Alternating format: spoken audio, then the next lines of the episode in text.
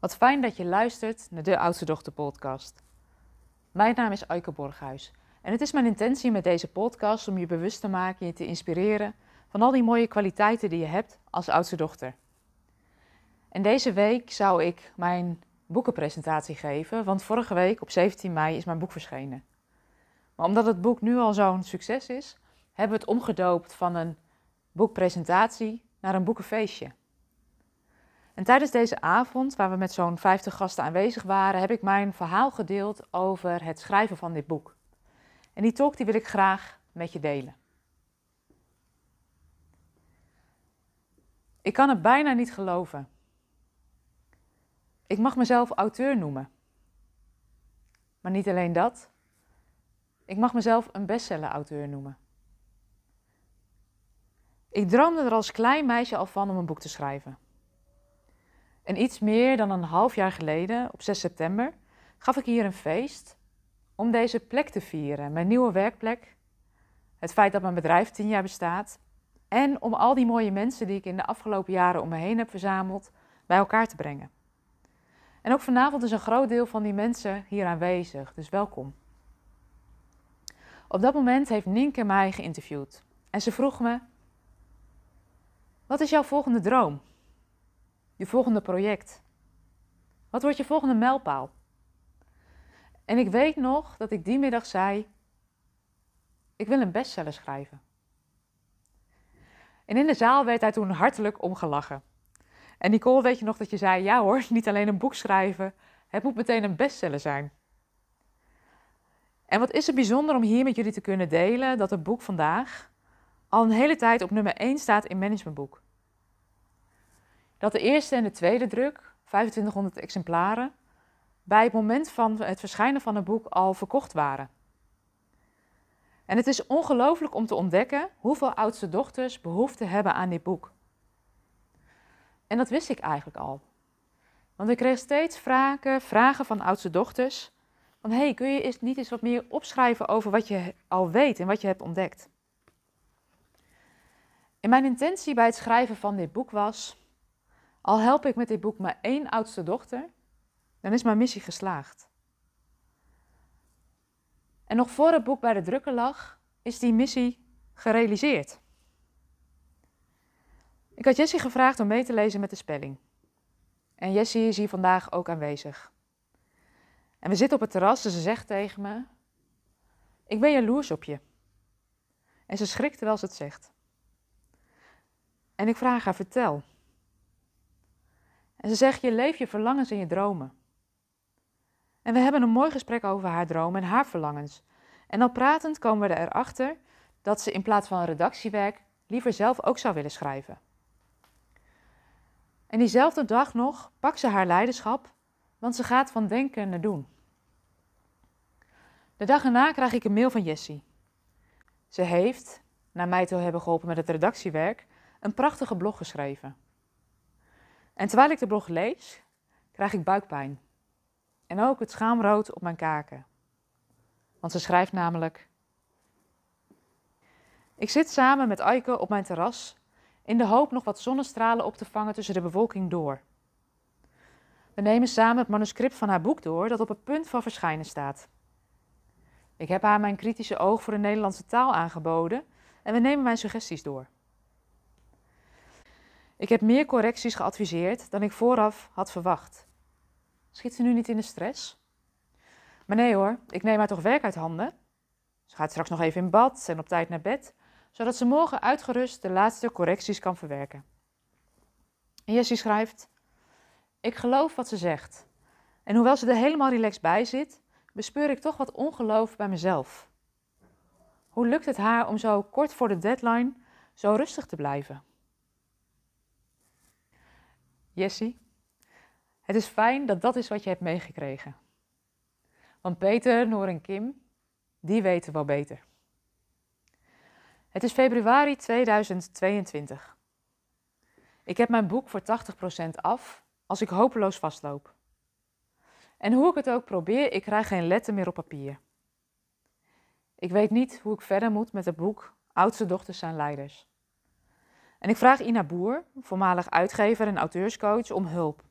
En ze zegt tegen me: Aike, ik zie dat je kan schrijven, maar je boodschap klopt niet.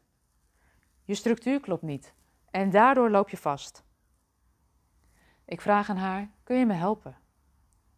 En terwijl we samen een nieuw bouwplan en publicatievoorstel schrijven, blijkt er een heel ander boek geschreven te willen worden. En dat betekent Ctrl-Alt-Delete voor het boek Oudste dochters zijn leiders.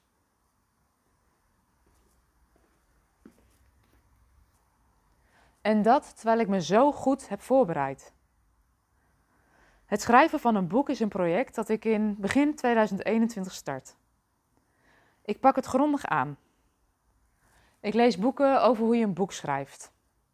Ik lees boeken over hoe je een bestseller schrijft. Ik volg een masterclass over het schrijven van een bestseller. En ik volg niet één masterclass, niet twee masterclasses, maar ik volg er drie. Ik koop een schrijfapp. Ik bestel stapels vakliteratuur, doe grondig onderzoek en begin te schrijven. Eigenwijs als ik ben, houd ik me niet aan het belangrijkste advies wat ik in al die boeken heb gelezen. Want ik hou er natuurlijk van om het op mijn eigen manier te doen. Want waarom zou je beginnen met een achterflap en met een inhoudsopgave? Dat weet ik nu toch helemaal nog niet? Ik verslim biografieën van oudste dochters en verdwaal in de krochten van het internet. Want het blijkt nog helemaal niet zo makkelijk te ontdekken of iemand nu een oudste dochter is of niet. Het schrijven pak ik op dagelijkse basis op.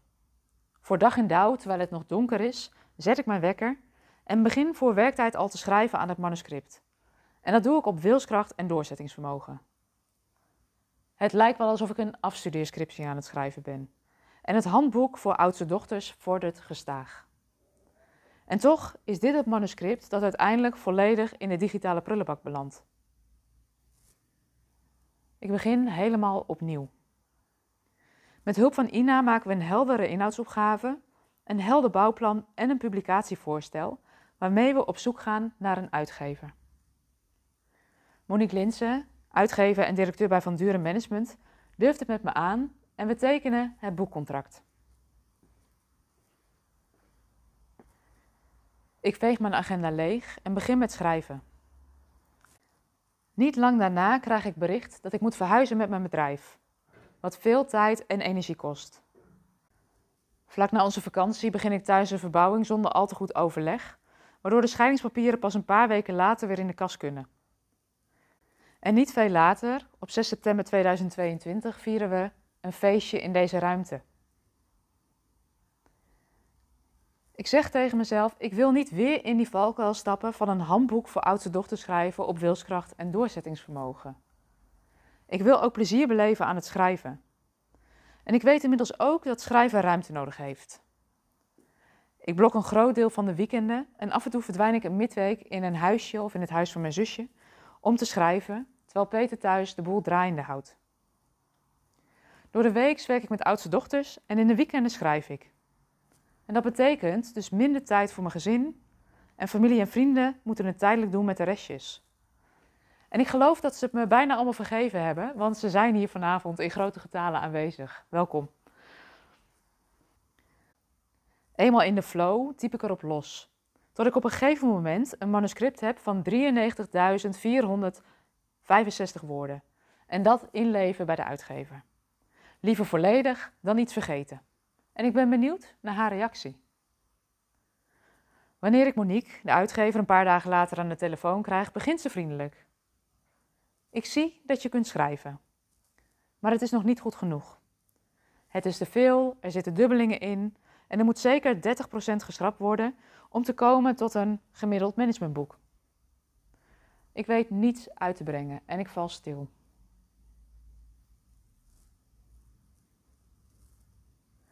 De uitgever vraagt door de telefoon: Aike, ben je er nog? Monique zegt: Ik heb er nog steeds vertrouwen in dat we een goed boek te pakken hebben. En ik wil het nog steeds graag uitgeven. Maar we zijn er nog niet. Monique zegt: Je hebt drie opties. De eerste, jij gaat schrappen. De tweede optie, ik vraag Carly, de redacteur, om te gaan schrappen. En optie drie, we trekken de stekker uit de samenwerking en we stoppen met het boek. We besluiten de beslissing over het weekend heen te tillen. En thuis heb ik een gesprek met Peter die zegt: Je gaat echt niet stoppen nu. Je hebt zoveel tijd, zoveel energie in dit boek gestopt. Je zit midden in de bevalling en je kunt nu echt niet zeggen: Ik kap ermee. Ik sta naast je, maar jij gaat dit afmaken. Heb je er al spijt van, Peter, dat je dit hebt gezegd? Maandag bellen de uitgever en ik elkaar opnieuw. Monique spreekt uit dat er in de kern een goed boek in zit en dat ze het nog steeds wil uitgeven. En ik vertel haar: Je vraagt me nu om een arm en een been van mijn eigen kind af te hakken. Ik kan het niet. Wil je me helpen? De oude Eike had op wilskracht gezegd: Ik moet het zelf doen. Ik moet zelf gaan schrappen in dit manuscript. Maar ik besluit te vertrouwen op de expertise van de uitgever en Carly, de redacteur. Een paar dagen later krijg ik het manuscript terug. En er is bijna 40% geschrapt. En ik kan weer terug naar de tekentafel om te herschrijven. Gelukkig was de 40% geschrapt, want dat scheelde al wel veel tijd met herschrijven. En uiteindelijk is het beste van het boek overgebleven. En heb ik nog wat content die ik wel belangrijk vond, maar niet meer in het boek paste, toegevoegd als bonus op mijn website.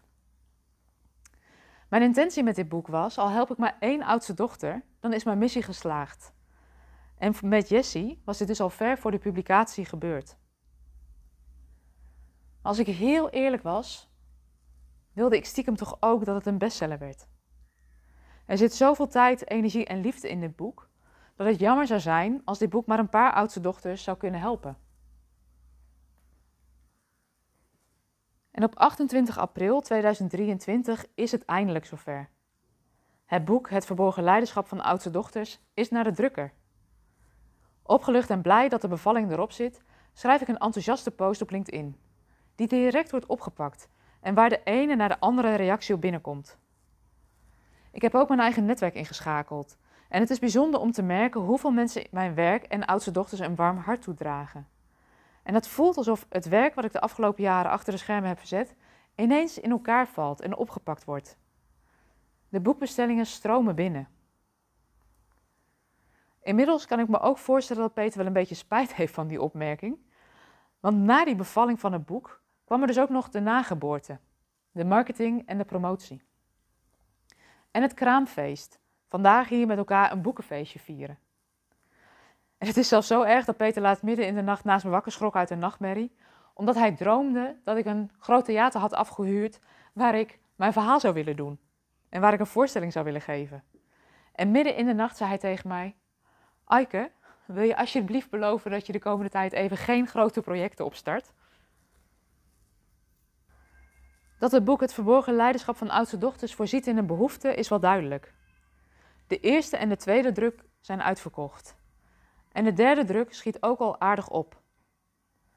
Het boek ligt nu in de brievenbus van bijna 3000 oudste dochters. En even voor het beeld, dat is ongeveer vier keer de Deventer Schouwburg gevuld met oudste dochters. Een bestsellerboek schrijven had ik niet alleen kunnen doen. En ik ben veel mensen op verschillende lagen dankbaar. Al die oudste dochters in hun omgeving die dit boek hebben gekocht. Wauw. Dat het boek zo'n vliegende start heeft gemaakt, maakt me diep dankbaar en blij. Maar ik had dit niet alleen kunnen doen. Ina Boer hielp me met een bouwplan en een publicatievoorstel, waardoor Monique, de uitgever, ja kon zeggen tegen mij als beginnend auteur. Ik wil mijn uitgever Monique Linsen bedanken voor de sprong die je hebt gewaagd met mij. Om het aan te durven om een boek met me uit te geven terwijl ik nog nooit eerder een boek geschreven heb. En het heeft af en toe best geschuurd in de samenwerking tussen twee oudste dochters die allebei weten wat ze willen. Maar wat we steeds hebben gedaan, is de bedoeling, een waardevol boek voor die oudste dochters, centraal gesteld. Waardoor we elkaar steeds weer wisten te vinden. Ook al heb je me af en toe vervloekt en vond je me een irritante pippelterrier die niet loslaat als ze eenmaal vast heeft. Dank je wel voor je vertrouwen, je lef en je moed. Carly van Tongeren, ik ben je super dankbaar dat je van de 93.456 woorden die het manuscript eerst bevatte, het beste hebt overgehouden en deed wat ik zelf niet kon. Het boek is er beter van geworden. Suzanne van Lieshout, kunstenaar. Dank je wel voor de prachtige cover die je hebt ontworpen voor het boek. Ze zeggen wel eens: Don't judge a book by its cover. Ik ben blij dat de mensen dat nu wel doen. Wat heb je het mooi gemaakt. André Kleijzen, voor het vormgeven van het boek. Ook toen het binnenwerk van het boek van roze naar okerkleurig omgezet moest worden. Het marketingteam bij Van Duren achter de schermen, Daniek, Jorien. Een groot dankjewel voor Pauline Miezebeek. Wij werken al vier jaar op dagelijkse basis samen en wat hebben we keihard gewerkt de afgelopen weken. Ik had dit niet zonder jou kunnen doen. Het was een feestje samen met jou. Ik wil de meelezers bedanken, Ariana Groenendijk en Marloes Bouwmeester, die het boek hebben gelezen of het manuscript hebben gelezen toen het nog 93.456 woorden bevatte. Jullie opmerkingen hebben het boek beter gemaakt. Ik wil ook alle meelezers bedanken die alvast een review hebben gegeven toen het manuscript klaar was. Sabine Uitslag, Angelique Nijhoff, Ingrid Kramer, Wies Endhoven, Lisette Schuitenmaker, Ninke van der Lek, Marloes Bouwmeester, Iris Meulendijk, Masja van Wemerskerken, Gerry Puskedy, Marieke van Ginkel, Mette Visser en Inke Vlokstra.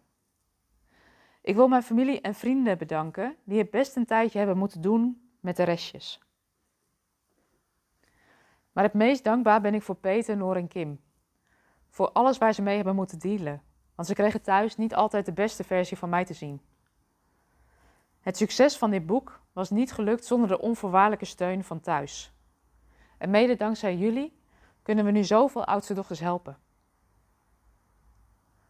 Een boek kan je leven niet veranderen. Het leiderschap wat je neemt op basis van zo'n boek wel. En als ik één ding weer heb geleerd in het proces bij de totstandkoming van dit boek, je moet het zelf doen. Je hoeft het niet alleen te doen. Dank jullie wel. En jullie hebben nu geluisterd naar de talk die ik heb gegeven tijdens mijn boekenfeestje. Omdat ik ook een eerlijk kijkje achter de schermen wilde geven over dat het schrijven van zo'n boek best een heel proces is. En de lessen die ik daarin heb geleerd. De valkuilen waar ik ben ingestapt, maar ook de kwaliteiten die ik heb als oudste dochter. Ben je nu nieuwsgierig geworden naar het boek? Neem dan een kijkje op de website www.oudstedochter.com onder het kopje boek. Ken je oudste dochters voor wie deze podcast of dit boek interessant is? Dan help je me enorm door mensen daarop te wijzen. Zo kunnen we nog meer oudste dochters inspireren en helpen. Mijn dank is groot als je dit voor me zou willen doen. Dankjewel voor het luisteren en een hele fijne dag. En tot een volgende aflevering.